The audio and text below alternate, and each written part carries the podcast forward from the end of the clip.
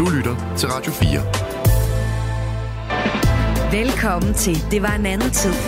Din vært er Anders Hagen.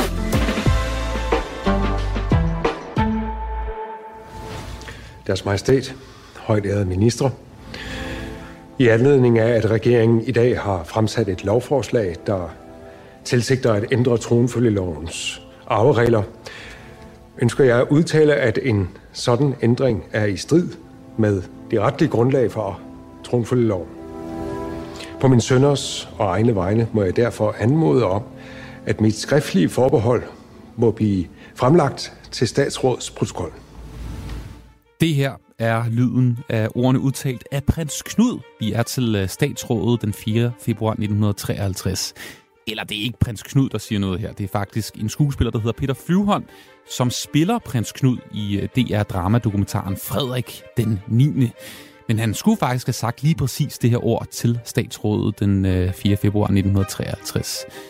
Peter Flyvholm har måske sin forberedelse skulle prøve at fange og forsøge at indkapsle lyden af en mand, en prins, som så småt er ved at indse, at han alligevel øh, altså ikke bliver kongen. For Frederik 9. han har ikke nogen sønner, og derfor så skal der en grundlovsændring til, hvis hans datter, prinsesse Margrethe, som vi jo godt kender, skal kunne tage tronen som dronning og regent. Men hvorfor egentlig ikke prins Knud? Hvad var der så galt med ham?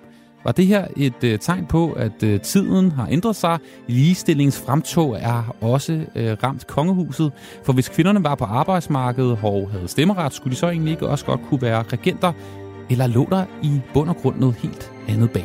Det her, det er dagens afsnit, at det var en anden tid. Det er det, det skal handle om i dag, og hvis du er i tvivl om, hvad det er for program, du har tændt for, så er det Radio 4's lille historiske program, hvor vi jo godt kan lide at kigge i historiebøgerne og finde nogle kapitler fra den nye Danmarks historie, som på en eller anden måde øh, er meget overraskende i vores tid her i 2024. Jeg hedder Anders Sagen, og velkommen indenfor. Du lytter til Radio 4. Lars Hårbakke Sørensen, historiker og forfatter. Øh, velkommen indenfor. Tak for det. Du har jo brugt øh, meget tid og kræfter i dit liv på at kommentere og fortælle om monarkiet i moderne tid. Du har skrevet bøger om det også. Det er jo helt perfekt, at du er hedkvalgt her i dag til at gøre os lidt klogere på den her tronfølger lovsændring i 1953, der gør, at vi jo har haft dronning Margrethe den anden som regent. Det er, jo, det er jo ikke det, der sker lige nu. Hun er jo ikke regent mere. Nej, det er rigtigt. Du må, du må have haft en ret vild januar måned, var? Altså, du har da haft travlt, var? Jamen, øh, det havde jeg. Ja, det startede jo nytårsaften. Øh, jeg var kaldt ind på TV2 News inde på Tejlholms Allé i København, og skulle, som jeg har gjort de sidste mange år, øh, kommentere dronningens nytårstale, sådan 20 minutters tid før, øh, og så øh, sådan gæt på, hvad hun vil sige i år, og så videre, som, som man jo gør. Og så skulle vi sidde og høre talen sammen inde i studiet, mens seerne også hørte øh, det. Øhm, studieverden og jeg, og den øh, anden ekspert, der var sådan en retoriker med os, og øh, så sad vi bare og lyttede der, og så skulle vi kommentere sådan cirka 10 minutter bagefter, og så regnede vi med, at så skulle vi hjem derefter.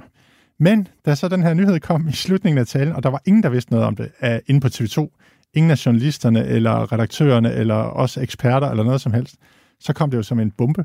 Og så sagde studieverden til os, Nå, Lars, nu kommer du ikke hjem forløbig. Skal vi hente noget kaffe ind til dig i studiet, eller hvad? Og så kom, det, så kom jeg til at sidde der en times tid, eller et eller andet, i den stil bagefter, og sådan... Øh, kommentere på, hvordan, øh, hvordan har det været historisk med applikationer i Danmarks historien og i andre europæiske lande og alt sådan noget der.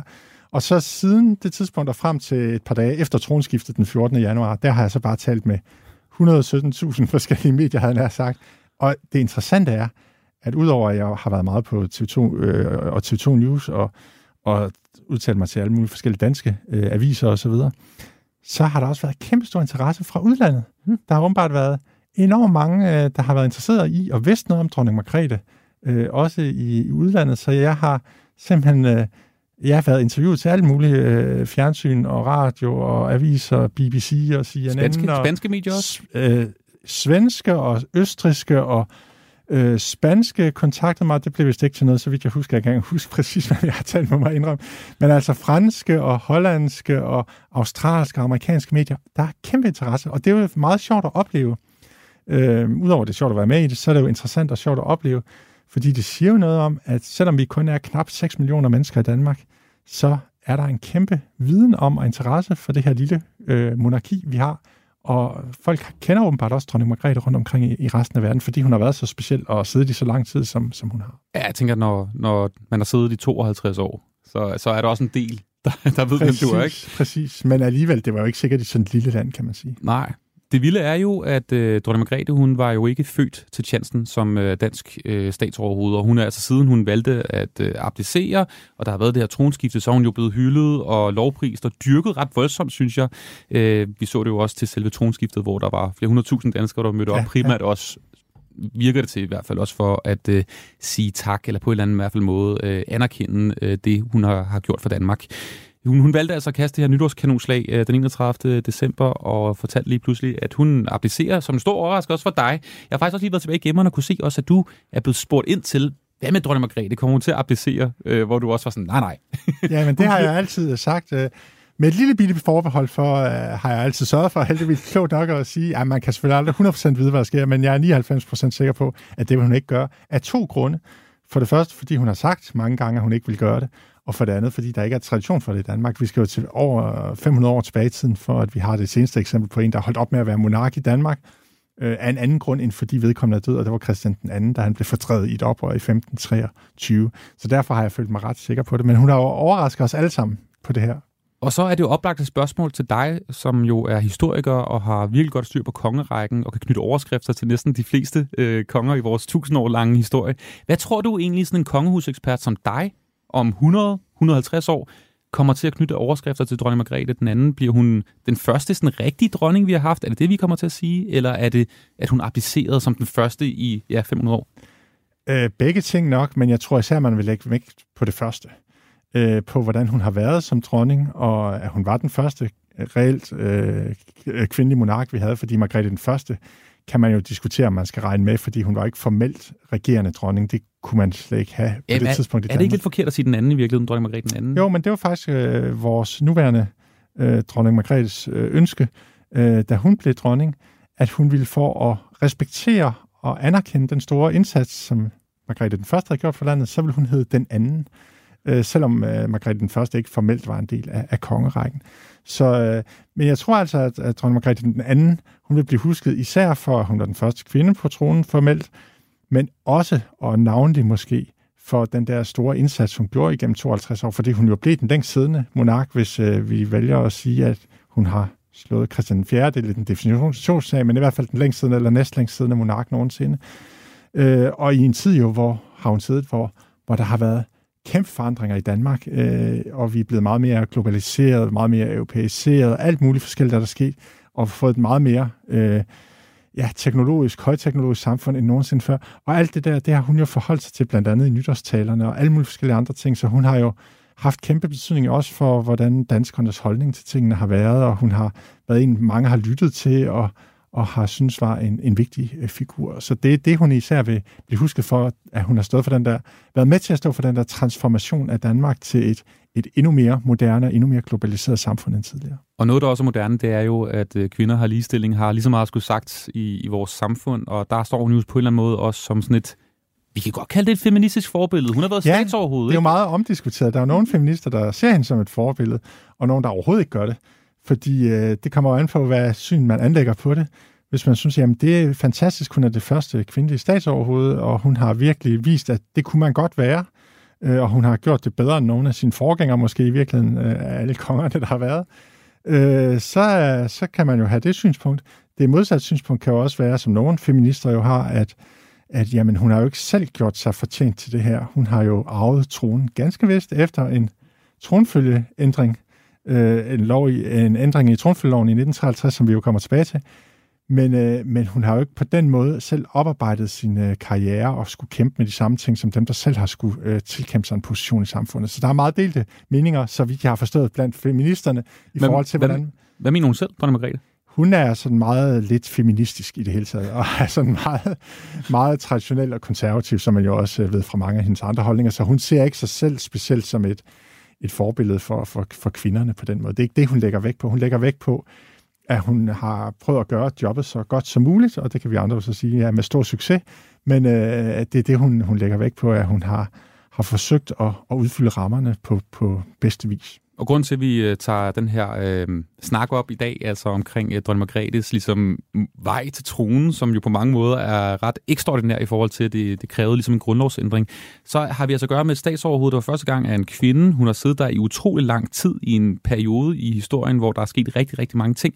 Og så kan vi vel måske også godt argumentere, Lars Hårbakke, for, at hun er den første Øh, første regent, der er blevet sådan folkevalgt i virkeligheden via en demokratisk øh, afstemning i mange, mange, mange år, eller måske nogensinde, ikke? Eller hvad? Jo, det kan man godt sige. Altså, helt tilbage i tiden, da Danmark opstod som stat på et eller andet tidspunkt, uklart tidspunkt i 500-tallet eller øh, deromkring, der var vi formentlig, i hvert fald fra 700-800-tallet, et, et valgkongedømme, hvor det var høvdingene eller stormændene, eller hvad man nu kaldte dem. Så senere gik man over til at kalde dem adelsmændene, der valgte den nye konge, når den gamle var død. Jeg ved ikke helt, hvornår det system startede, men i hvert fald nok senest en gang i 900-tallet. Og så fik vi arvekongedømme. Det var den første store ændring, der skete i 1660. Fra det tidspunkt, der arvede man automatisk tronen, men det var kun mændene, der gjorde det. Øh, egentlig, det er der ikke ret mange, der ved, så øh, var det faktisk muligt, at kvinder kunne arve tronen, da der vi, øh, efter vi havde fået indført arvekongedømme i 1660. Det blev bare aldrig aktuelt, fordi at mændene var sådan uh, prioriteret højst. Man, man, skulle, man, man, skal, man, skal, ja, man skulle ud til en masse sidelinjer af familien og sådan noget, og helt opgive uh, nærmest at finde nogen mænd i, i familien, i kongefamilien, for man så tog en kvinde. Men i princippet kunne vi godt have haft en regerende dronning allerede der i slutningen af 1600-tallet eller i 1700-tallet. Men så ændrede man tronfølgeloven i 1853, altså præcis 100 år inden den blev ændret der i 1953, i forbindelse med nogle af alle forviklingerne omkring det slesvigske spørgsmål, alle de der ting, der spillede en rolle der øh, i 1800-tallet. Og der fik man en ny tronfølgelov, hvor kvinder ikke kunne aftrone. Og det havde man så i 100 år, frem til 1953, i øh, nærmest nøjagtigt 100 år, øh, indtil man så fik øh, den øh, ændring, som, øh, som vi især skal fokusere på i dag her, hvor, hvor kvinder så fik øh, betinget adgang til at arve tronen. Altså det var stadigvæk sådan, at hvis kongen havde både sønner og døtre, så var det den ældste søn, der arvede, uanset om, om han havde en stor søster.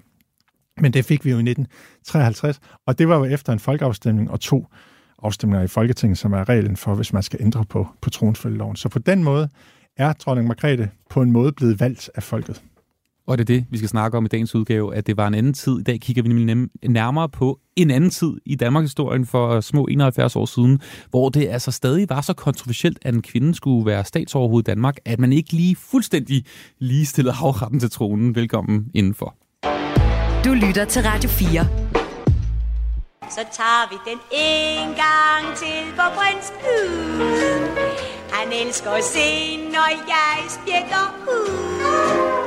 Balletter, som skulle forbyde sig sensor, er noget for arveprinser. Det morer dem privat, så hver gang jeg går i spagat, så gør jeg det en gang til for prins Knud. Han sluger mig helt med hår og med hud.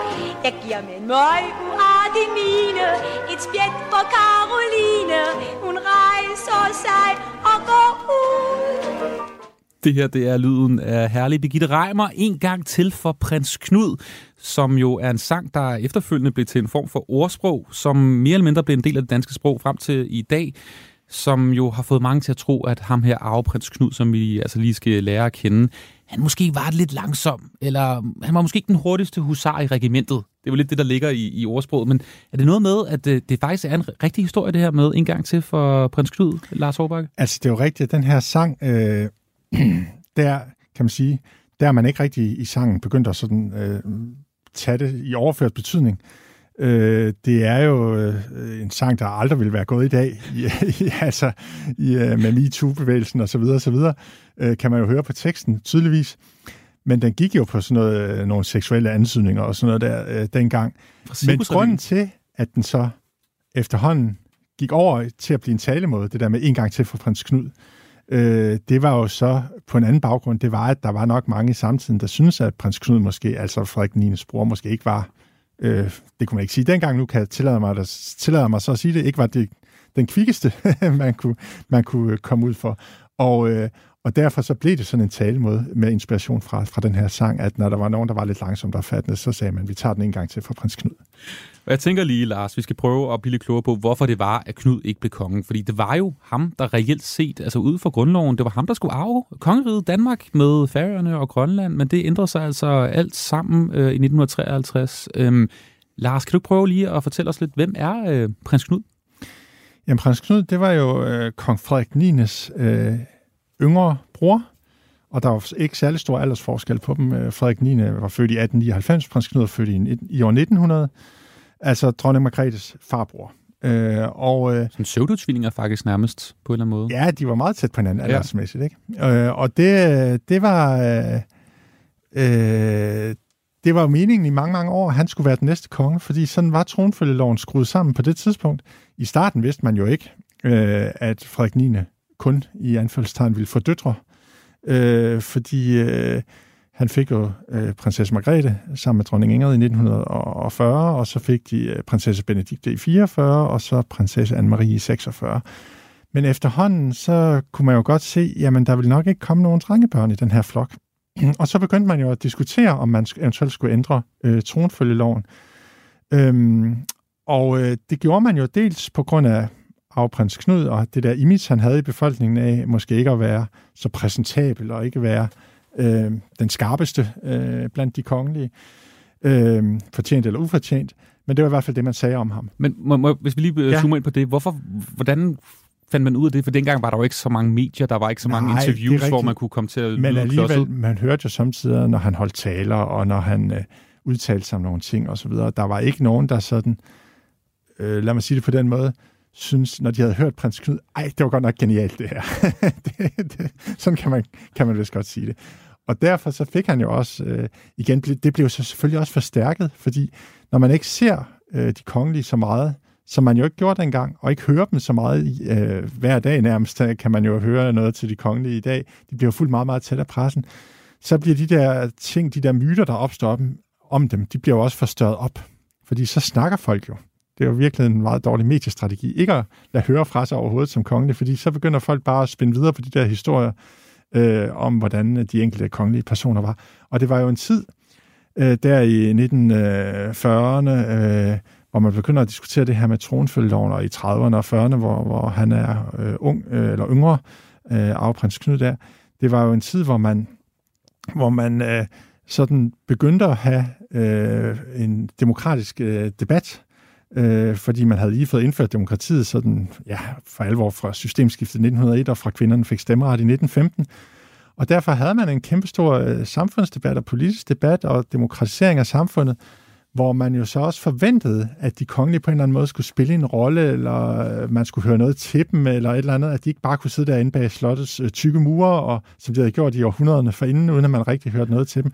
Og så hvis man er en type, der måske ikke øh, tager sig så godt ud, de få gange man udtaler sig, i, øh, i øh, medierne, øh, primært i aviserne, eller hvis der er nogle filmklip eller et eller andet, jamen så får man jo, så får man jo hurtigt det der med, at, at folk spinner videre på historien om, hvordan den her person er. Og det var nok det, der ramte ham lidt også. Så vi skal forestille os, hvis vi skal sammenligne til vores tid, så er det lidt ligesom ja, daværende kronprins Frederik, øh, som han hed i gamle dage, og øh, prins Joachim. Altså, prins Joachim var en slags prins Knud, ikke? Altså i forhold til, det var ham, der ligesom var the spare. Ham, ja, der ja, skulle, præcis. Hvis nu, det var det. Hvis nu at øh, kong Frederik, som han hedder nu, kun havde fået ja. døtre, så var det så prins ja. Joachim, der skulle arve. Rent bortset fra, at øh, alle kan jo høre, at prins Joachim er super intelligent, har han udtalt. Ja, ja. ja, ja. Det, altså, det er jo en væsentlig Sammenligning var kun i forhold til ja, ja, søskeparet. Yes, yes, det er rigtigt. Prins Knud øh, bliver gift med sin kusine, prinsesse øh, Karoline Mathilde, i 1933. Øh, jeg kan jo ikke lade mig tænke på, er det egentlig øh, er det normalt på det her tidspunkt, at man lige scorer sin kusine? Altså, det var jo mere normalt i kongefamilierne før i tiden, øh, end det er øh, i dag, fordi der var jo et krav helt op til, ja, omkring 1930'erne faktisk, om at kongelige skulle giftes med andre kongelige. Øh, og det havde man gjort i århundreder, og det var jo ikke så stort et problem at finde nogen, som man var langt ude i familie med, så længe der var så mange kongehus i Europa, som der var i 15, 16 og 1700-tallet. Men antallet af kongelige blev færre og færre eftersom øh, at øh, kongehusene begyndte at forsvinde rundt omkring i forskellige stater og blev erstattet af republikker, så var der jo ikke så mange tilbage, men man beholdt alligevel traditionen langt op i 1900-tallet med, at man helst skulle giftes med en kongelig. Det gik man jo så fra senere i Danmark. Øh, men øh, øh, kong Frederik 9. blev for eksempel også gift med en svensk prinsesse, nemlig hende, vi kom til at kende som dronning Ingrid i 1935.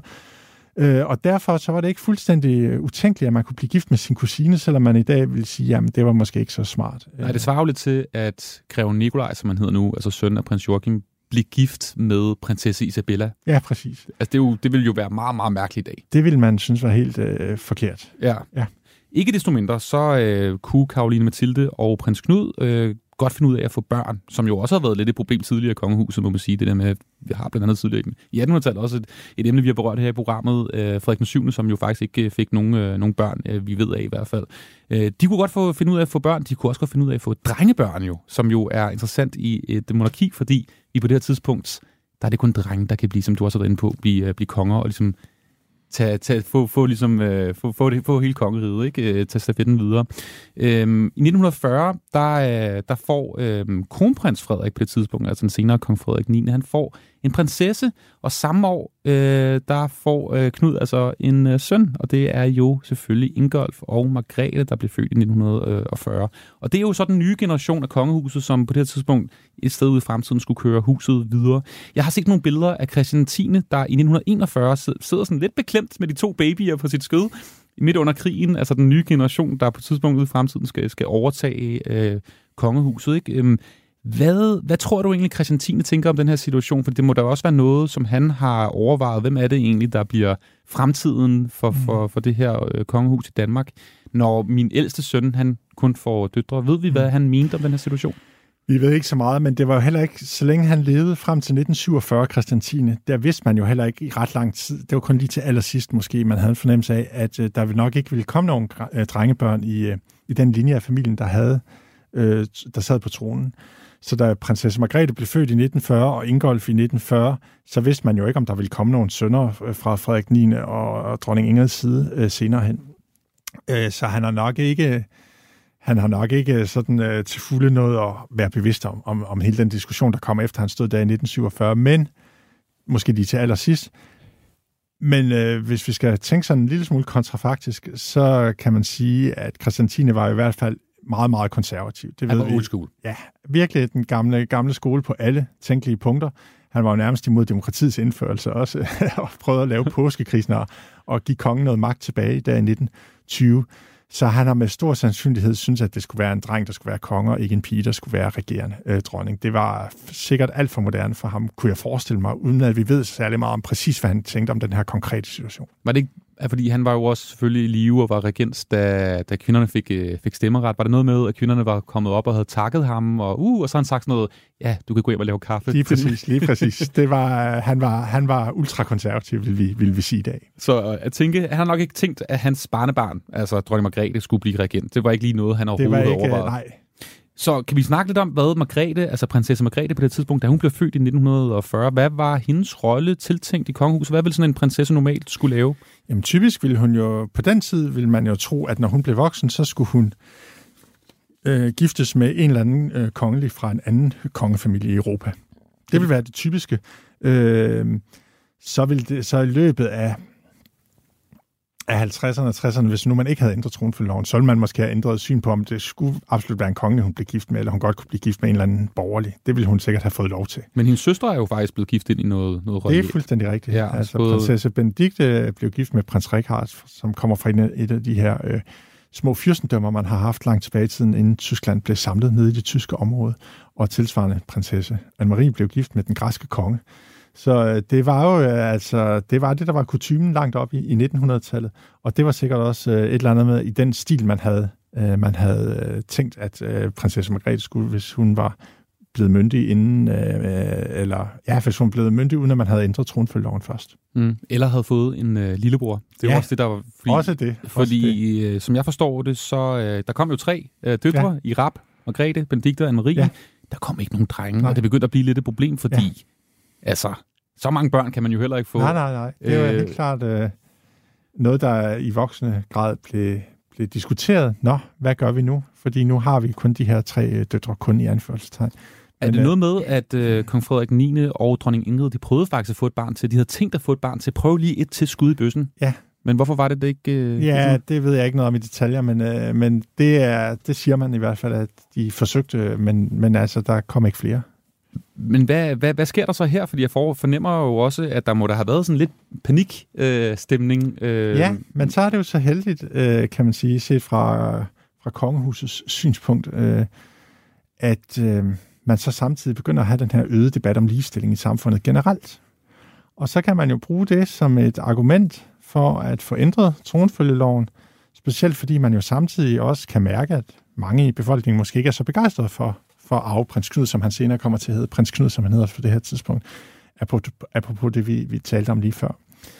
Og så kan man sige, så, så bruger man ligesom i den der debat, der opstår i slutningen af 40'erne, så begynder man at bruge ligestillingen som et principielt, generelt argument, og det var også reelt nok. Der var jo mange, der syntes, at det var vigtigt at få noget mere ligestilling i samfundet øh, generelt på det her tidspunkt. Men så reelt er det måske også øh, noget med, at der er nogle øh, politikere og andre øh, fremtrædende personer i samfundet, der synes, at det kunne måske være en meget god idé at få prinsesse Margrethe som, som dronning, i stedet for øh, arveprins Knud, som han senere kommer til at hedde. Prins Knud hedder han på det tidspunkt, som, øh, som konge, og senere hans øh, søn, øh, prins øh, Ingolf, i dag grev Ingolf. Ikke fordi der var nogen, der rigtig vidste øh, noget om dronning Margrethe, som hun senere kom til at hedde, eller øh, Ingolf, i befolkningen, fordi de var jo ikke ret gamle. De var født i 1940 begge to, og var, ja, øh, da man begynder at diskutere det her, er de 7, 8, øh, 9 år. Øh, men man kender jo øh, prins Knud, øh, og det er der som sagt mange, der, der synes, at det måske kunne være en god idé at få en eller anden. Og så kobler man så, så bliver det reelt et, et, øh, et personspørgsmål, men det kan man jo ikke sige på den tid, og det er jo ikke noget, politikerne vil, vil sige. De, de holder jo det der principielle ligestillingsargument frem, når de begynder at argumentere for det her. Ved vi, hvad øh, Frederik 9 den senere Frederik 9., altså kong Frederik 9., han, øh, han tænker om det her, fordi hans far, Christian 10., han dør i 1947, øh, så der bliver han jo øh, konge. Ved vi, hvad han øh, mener om, om det der med, at der er en pige, der skal overtage tronen efter ham? Fordi det, på det tidspunkt er det jo ikke noget, der er normalt, at der for det første Nej. er kvinder, der, der er over mænd i samfundet. Det er jo utænkeligt nærmest, ikke? Ja, ja. Det, hvad, hvad synes han? Jamen, øh, han var klog nok til at udtale sig om det offentligt. Øh, i modsætning til, hvad den svenske nuværende konge har gjort om Carl Gustav om sin datter Victoria, hvor han har sagt flere omgange, at han er imod øh, egentlig, at hun er, er blevet tronfølger. Øh, men øh, han var så klog, Frederik Nina, det udtalte han selvfølgelig ikke om i offentligheden, men vi ved efterfølgende fra forskellige ting, som, øh, som er kommet frem senere, at øh, han, øh, han var lidt imod faktisk, øh, eller skeptisk i det øh, i mildestalt. Øh, ikke fordi han var imod kvindelig ligestilling, men fordi han synes det var synd for hans datter, at hun skulle have den der tunge byrde, som han øh, opfattede det som at være monark. Og så var der måske også, fordi det var den der anden tid, lidt en opfattelse hos kongen af, at det var en tungere byrde for en kvinde end for en mand. Altså, at kvinder var sådan lidt mere svage, og så, så var det lidt synd for dem, hvis de skulle... De skulle også føde børn og ja, ja, passe hjemme. Ja, alt sådan nogle ting. Øh, men ikke så meget af det. Mere det der med, at han egentlig er omsorg for sin datter, synes, at det var synd, at hun skulle have det her store øh, ansvar. Men før at øh, prinsesse Margrethe, som hun hedder på det tidspunkt, hun kan blive tronfølger, så skal der altså laves markante ændringer i øh, grundloven. Vi skal jo igennem noget baks. Altså, der er både folkeafstemninger, og Folketinget skal vedtage det, og bla bla bla. Hvordan gør man det? Lad os finde ud af det. Du lytter til Radio 4. Danmark skal have en ny grundlov. Det står klart efter 2. verdenskrig. Blandt andet fordi, at øh, lige efter krigen, der blev det øh, lovet til altså Danmarks befolkning, at valgretsalderen skulle sænkes øh, fra 25 år, fordi man mente, at de unge frihedskæmper jo havde gjort øh, sig fortjent til også at kunne blive hørt i den demokratiske proces. Men det stod altså også efterhånden klart, øh, Lars Hovbakke, det har vi jo været inde på, at Frederik 9. han får altså ikke nogen øh, drengebørn. Det, ja. det, det kommer nok ikke til at ske. Øh, han har fået tre piger, så nu kommer der altså kluder i arvefølgen øh, Frederik 9. bror øh, Knud, arveprins Knud, Øhm, han har jo børn, der er drenge, og han står klar i kulissen til at kunne overtage det, ligesom der står i loven.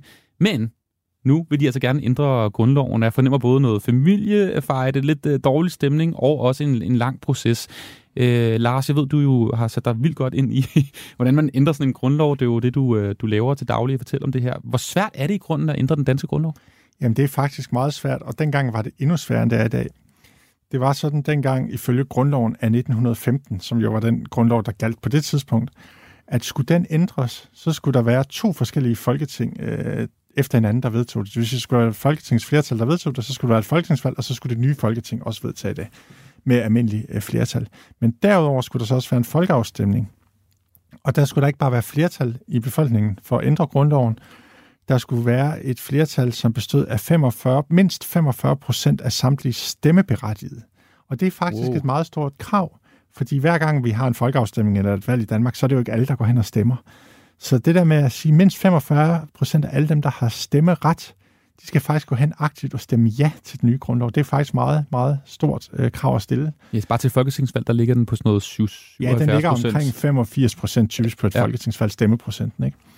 Øh, og øh, Det er det, der er kravet for at ændre grundloven. Så er der det specielle, at tronfølgeloven er faktisk ikke en del af grundloven. Det er en særlig lov, men den har det, man kalder, nu bliver det virkelig juridisk specifikt det her, men, men den har det, man kalder grundlovsstatus. Så den kan kun ændres på samme måde som grundloven, med de der strenge krav til to folketing skal vedtage det, og mindst 45 procent af de stemmeberettigede øh, skal stemme for.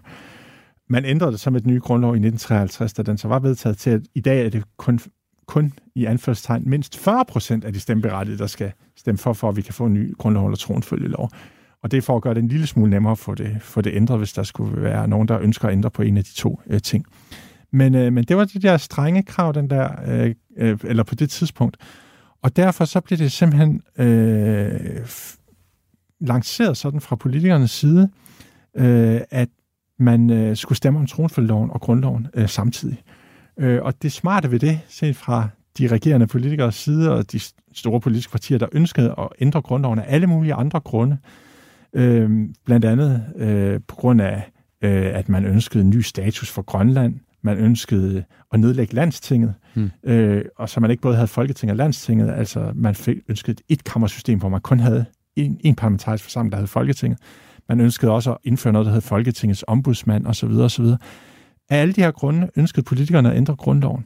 Men som man også kan høre, når jeg ramser de her emner op, så er det ikke sådan de store folkesager. Det er ikke sådan, at der var en hel masse danskere, der ville far hen til stemmeurnerne, hvis de skulle stemme om Grønlands status, eller om vi skulle have landstinget, eller folketinget, eller kun et kammer. For der var reelt ikke nogen forskel længere på, hvordan de to kammer var sammensat. Og det der med Folketingets ombudsmand, det tror jeg ikke, der var ret mange danskere, der overhovedet vidste, hvad var. Altså, og der var andre ting, der, der blev ændret også, eller skulle ændres. Men det frygtede politikerne simpelthen, at de kunne ikke få folk nok hen og stemme, til at man opfyldte det der krav med, at 45 procent af de stemmeberettigede skulle stemme ja til ny grundlov.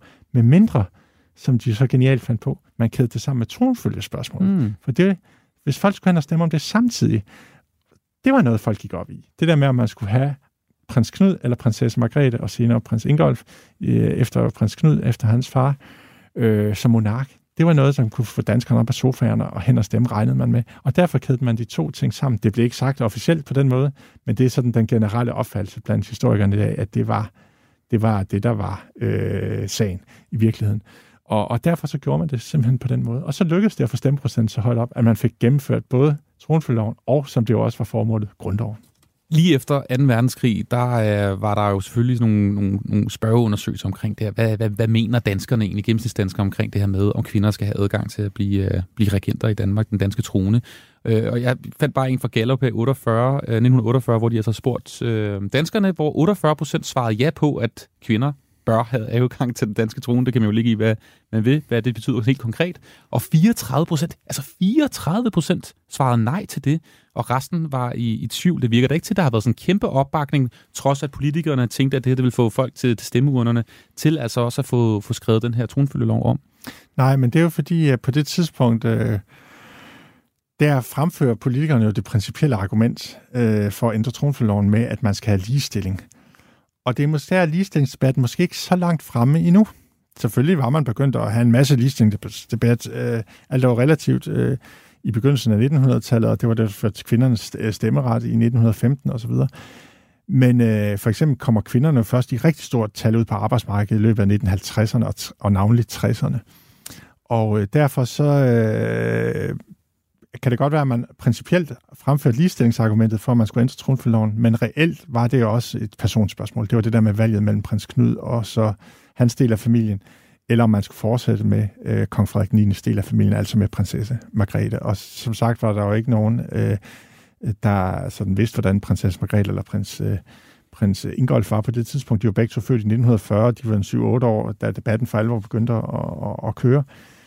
Men øh, som jeg nævnte før, så, så havde prins Knud altså et ret dårligt ry i befolkningen, og det var, det var nok til, at der var rigtig mange, formentlig, øh, der gik hen og stemte af, af blandt andet den grund for, at man skulle have kvindelige øh, tronfølgelister.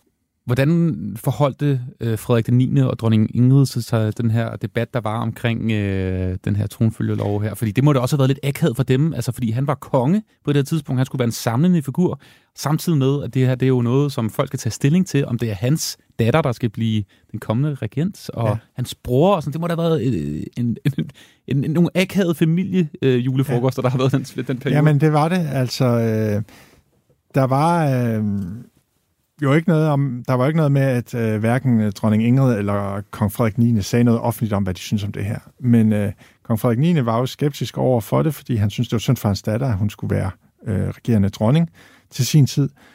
Øh, og efter hvad man har hørt senere hen, at øh, der er blevet fortalt, øh, så øh, øh, var øh, prins Knud jo også, og det kan man også se, øh, at, at det første citat, vi havde i hele udsendelsen her, han var jo meget, meget vred over det her. At han skulle have været konge, og det blev han så ikke alligevel. Og hans søn, prins Ingolf, skulle have været konge efter ham, og det blev han så ikke alligevel. Så det er jo ikke noget, de nogensinde er kommet over formentlig. Altså, de, øh, prins Ingolf, som i dag hedder Grev Ingolf, øh, har jo øh, pænt stillet op til alle mulige kongelige arrangementer og deltager i alt muligt forskellige kongefamilien i dag, og og udtaler sig jo ikke øh, jævnligt om i bitre vendinger om den her beslutning, men der er ingen tvivl om, at den del af familien har været, været meget skuffet over det og, og vred over det øh, langt op i tiden.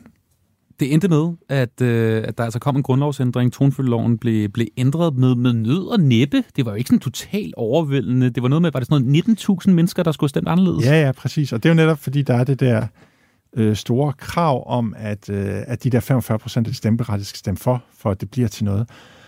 Og det er derfor, det vidste politikerne også godt, det var meget svært at få det her gennem. Det var derfor, man, man øh, gennemførte folkeafstemningen om grundloven samtidig med folkeafstemningen om tronfølgeloven. Man havde jo faktisk forsøgt at ændre grundloven nogle få år tidligere, nemlig i 1939, hvor, øh, hvor øh, øh, det ikke var blevet til noget, øh, fordi et af de fire gamle partier, nemlig Venstre, øh, af forskellige indrigspolitiske grunde, øh, det var jo ikke tronfølgeloven, men grundloven, man stemte om, anbefalede deres øh, vælgere at blive hjemme på sofaen og det var nok til, at der ikke var de der 45 procent af de stemmeberettigede, der gik hen og stemte aktivt ja til den nye grundlov. Og derfor øh, så var det også super vigtigt, at alle de fire gamle partier var enige om det, da man så holdt afstemningen øh, i øh, 1953, øh, at der ikke var nogen, der anbefalede, at man kunne, skulle gå hen og stemme imod, for eksempel. Øh, fordi så, ville, så frygtede man simpelthen, at hvis ikke man var enige om det her, så ville det ikke, så ville det ikke komme igennem. Øh, Øh, så det er øh, igen et tegn på det der med, hvor svært det er at ændre en grundlov og en tronfølgelov i Danmark.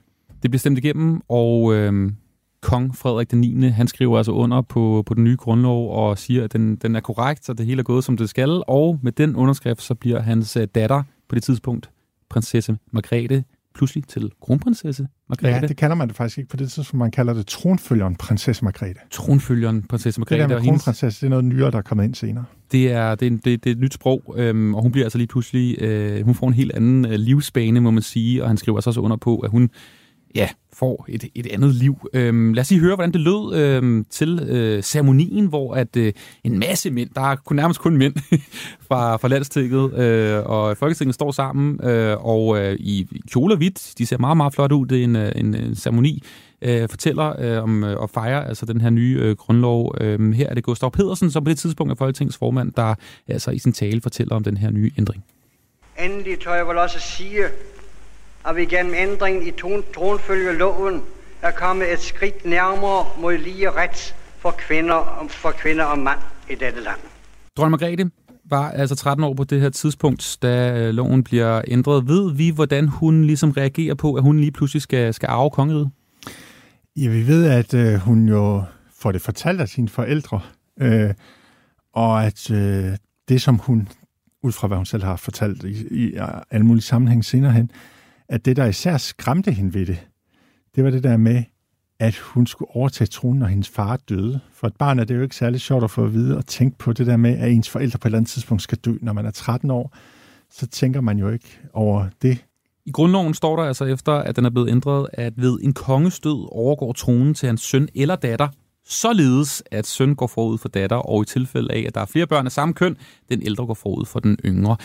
Lars Hårbakke Sørensen, vil du mene, det her det er ligestilling, som vi står det i 2024? Nej, det er jo kun øh, betinget kvindelig arvefølge, som man, man kalder det. Øhm, og øh, det, er, øh, det er jo noget, som øh, var et stort skridt på det tidspunkt i virkeligheden i forhold til, hvor langt debatten var fremme.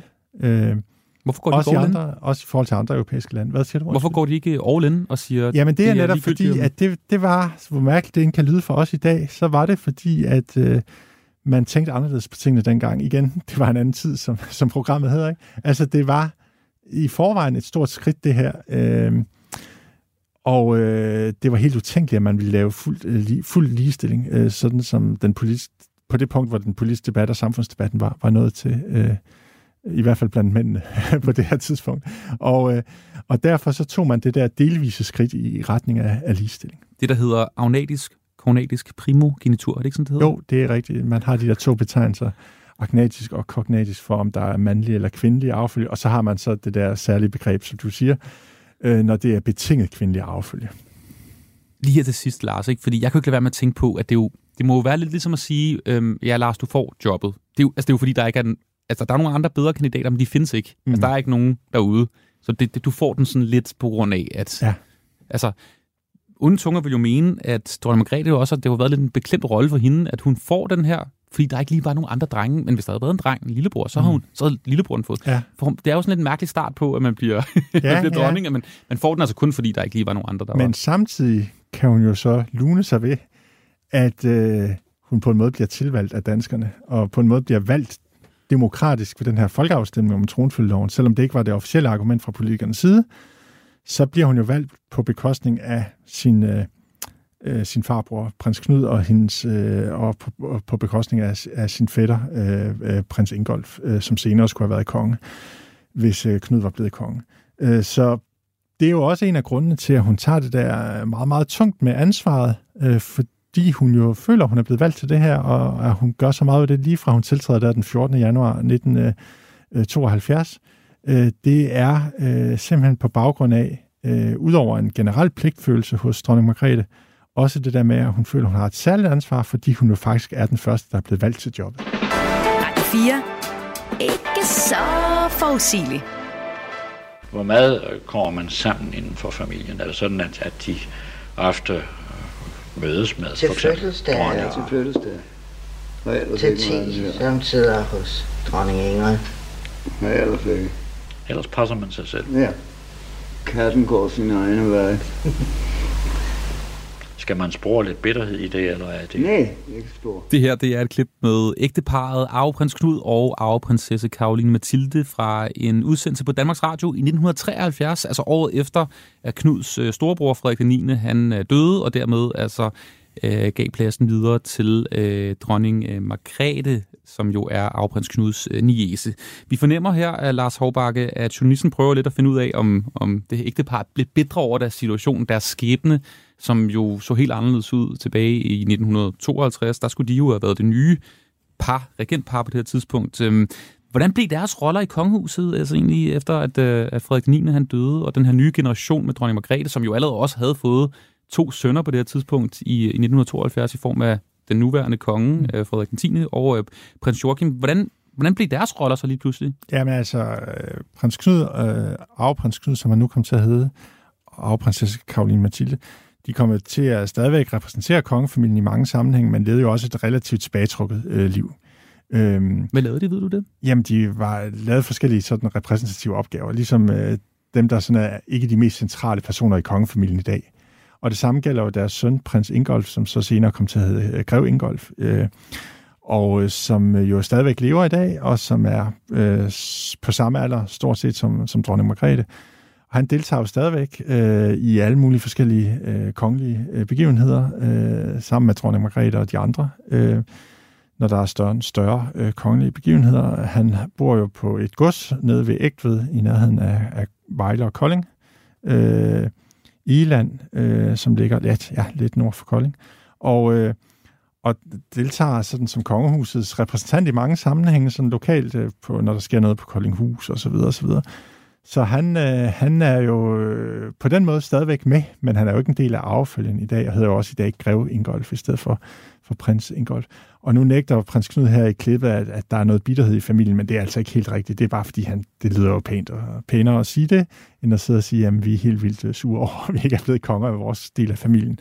Øh, men der var, der var en del øh, intern bitterhed omkring det i virkeligheden selvfølgelig. Det er jo, det er jo også det må jo være lidt mærkeligt, fordi når vi kigger tilbage i kongerækkerne og kongehusets historie tilbage til helt øh, om den gamle, så, så er det her jo meget unormalt. Ja. At der lige pludselig kommer en pige i stedet for, og noget, hvor vi skal ændre nogle regler og ting og sager. Ja.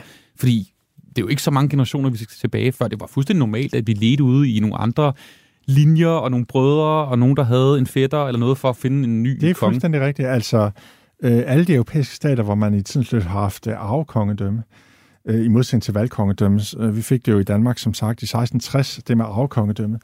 Øh, fra det tidspunkt, der var det jo sådan en del af ægteskabspolitikken, og det var det sådan set også, da man havde valgkongedømmet i et eller andet omfang, at man skulle helst finde nogen fra de her kongefamilier til at blive gift med, som øh, var fordelagtige partier, som man ville kalde det dengang, i forhold til at, øh, at øh, øh, i forhold til at blive gift med nogen, som måske havde et andet kongerige, de havde arvet, øh, og så man kunne få slået landene sammen på den måde. Det var sådan, Spanien opstod for eksempel, mellem et ægteskab mellem Isabella og Ferdinand, som kom fra Aragonien og Kastilien, som de to lande havde dengang, inden Spanien var forenet.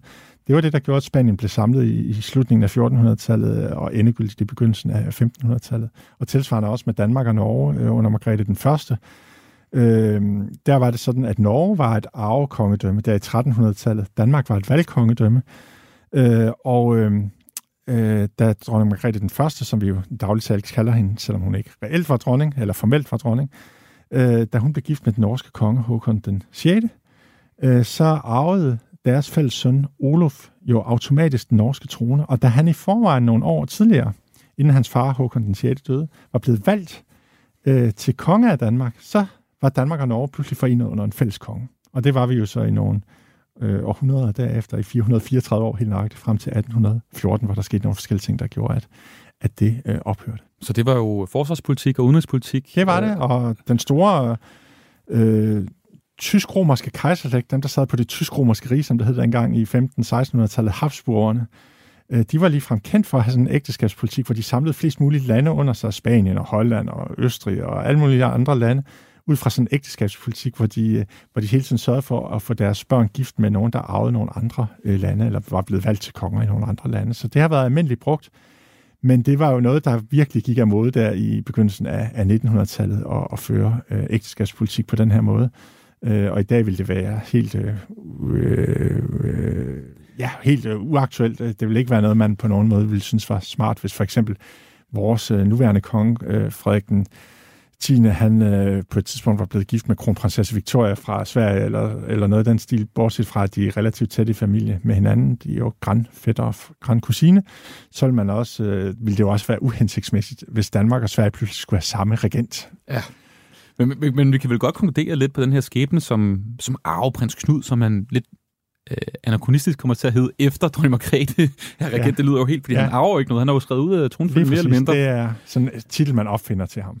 For ligesom et, et form for plaster. Som plaster for såret, ja. Okay, øhm, men hvis nu han bare var født, hvis det bare havde været 50 år tidligere, eller hvad ved jeg, så, så, så var han jo nok blevet konge, ikke? Ja, altså, formentlig. Han er født ned i en forkert tidsalder. Ja, simpelthen. Tidsordenen var en anden. Ja, lige præcis. Så det er det, der er det er det, der var, blev hans skæbne, kan man sige, i forhold til, hvordan øh, samfundsudviklingen er. Så er der jo nogle personer, der bliver ramt af det, enten er heldige eller det modsatte i forhold til, hvad, hvordan, ja, hvad, hvad de ønsker og hvordan man ser på det.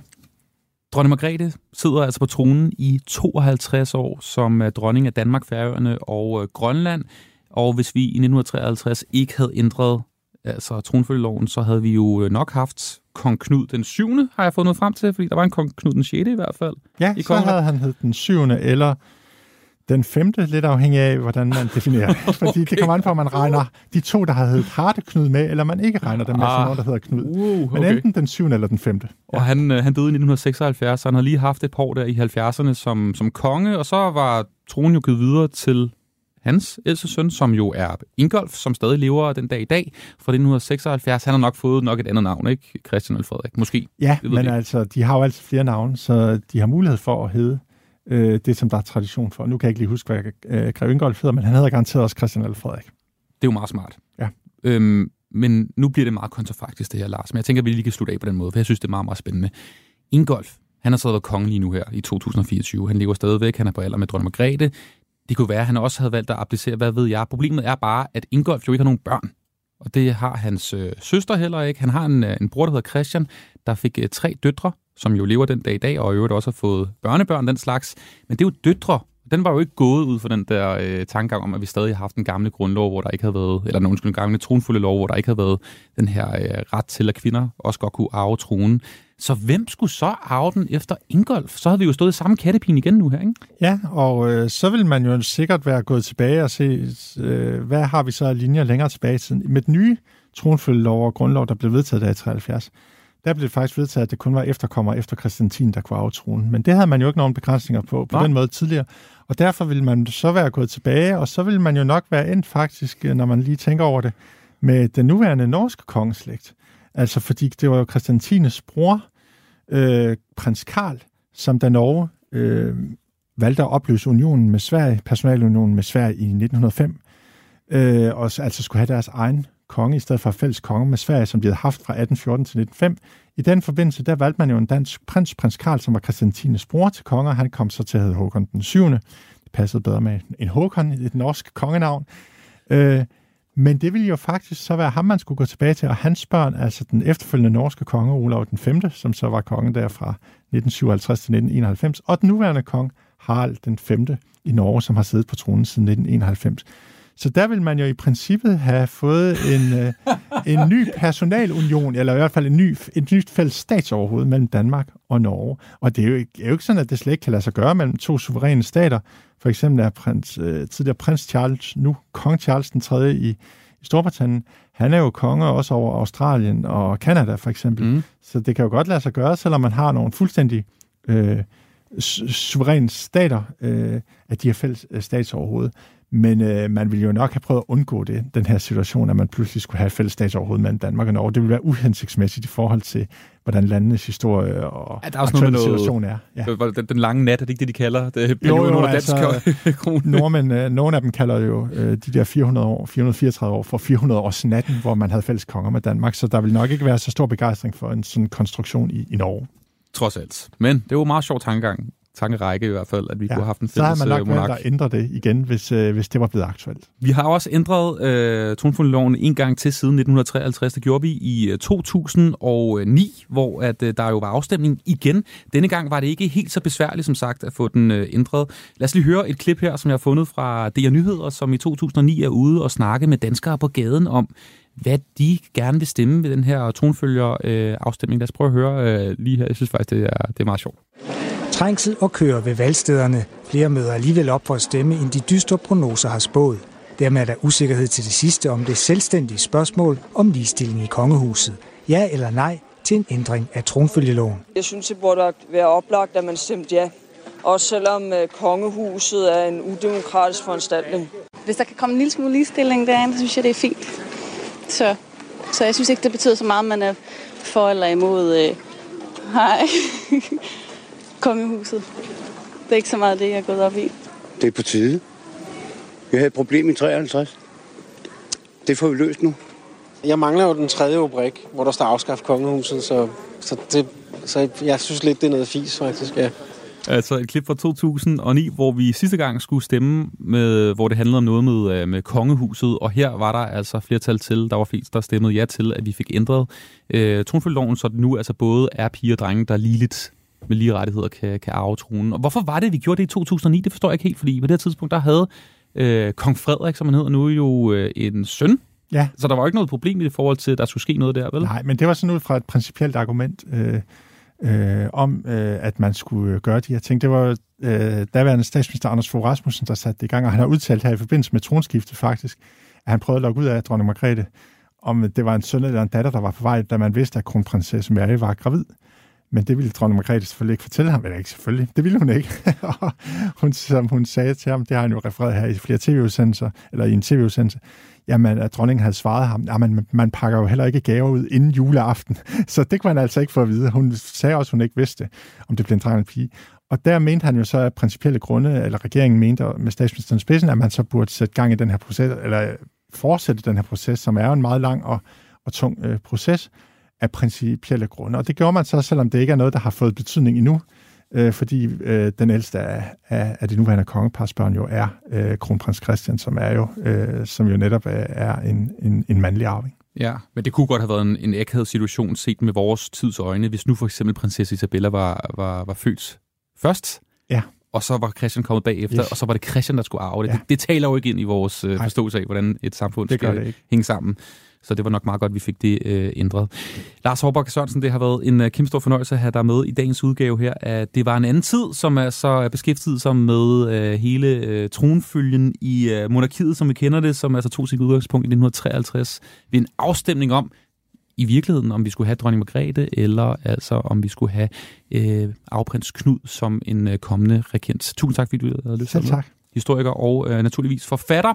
Programmet var sat sammen af Simon Axelsen, og også tak til Karoline Jul Christensen for at være med til at lave programmet. Jeg hedder Anders Hagen. Du kan høre flere afsnit af Det var en anden tid, hvor vi også har lavet to andre afsnit i forbindelse med øh, tronskiftet, som du kan finde inde i din øh, foretrukne podcast-app. Tusind tak, fordi du har lyttet med.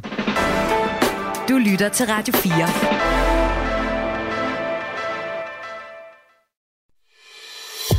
Du har lyttet til en podcast fra Radio 4.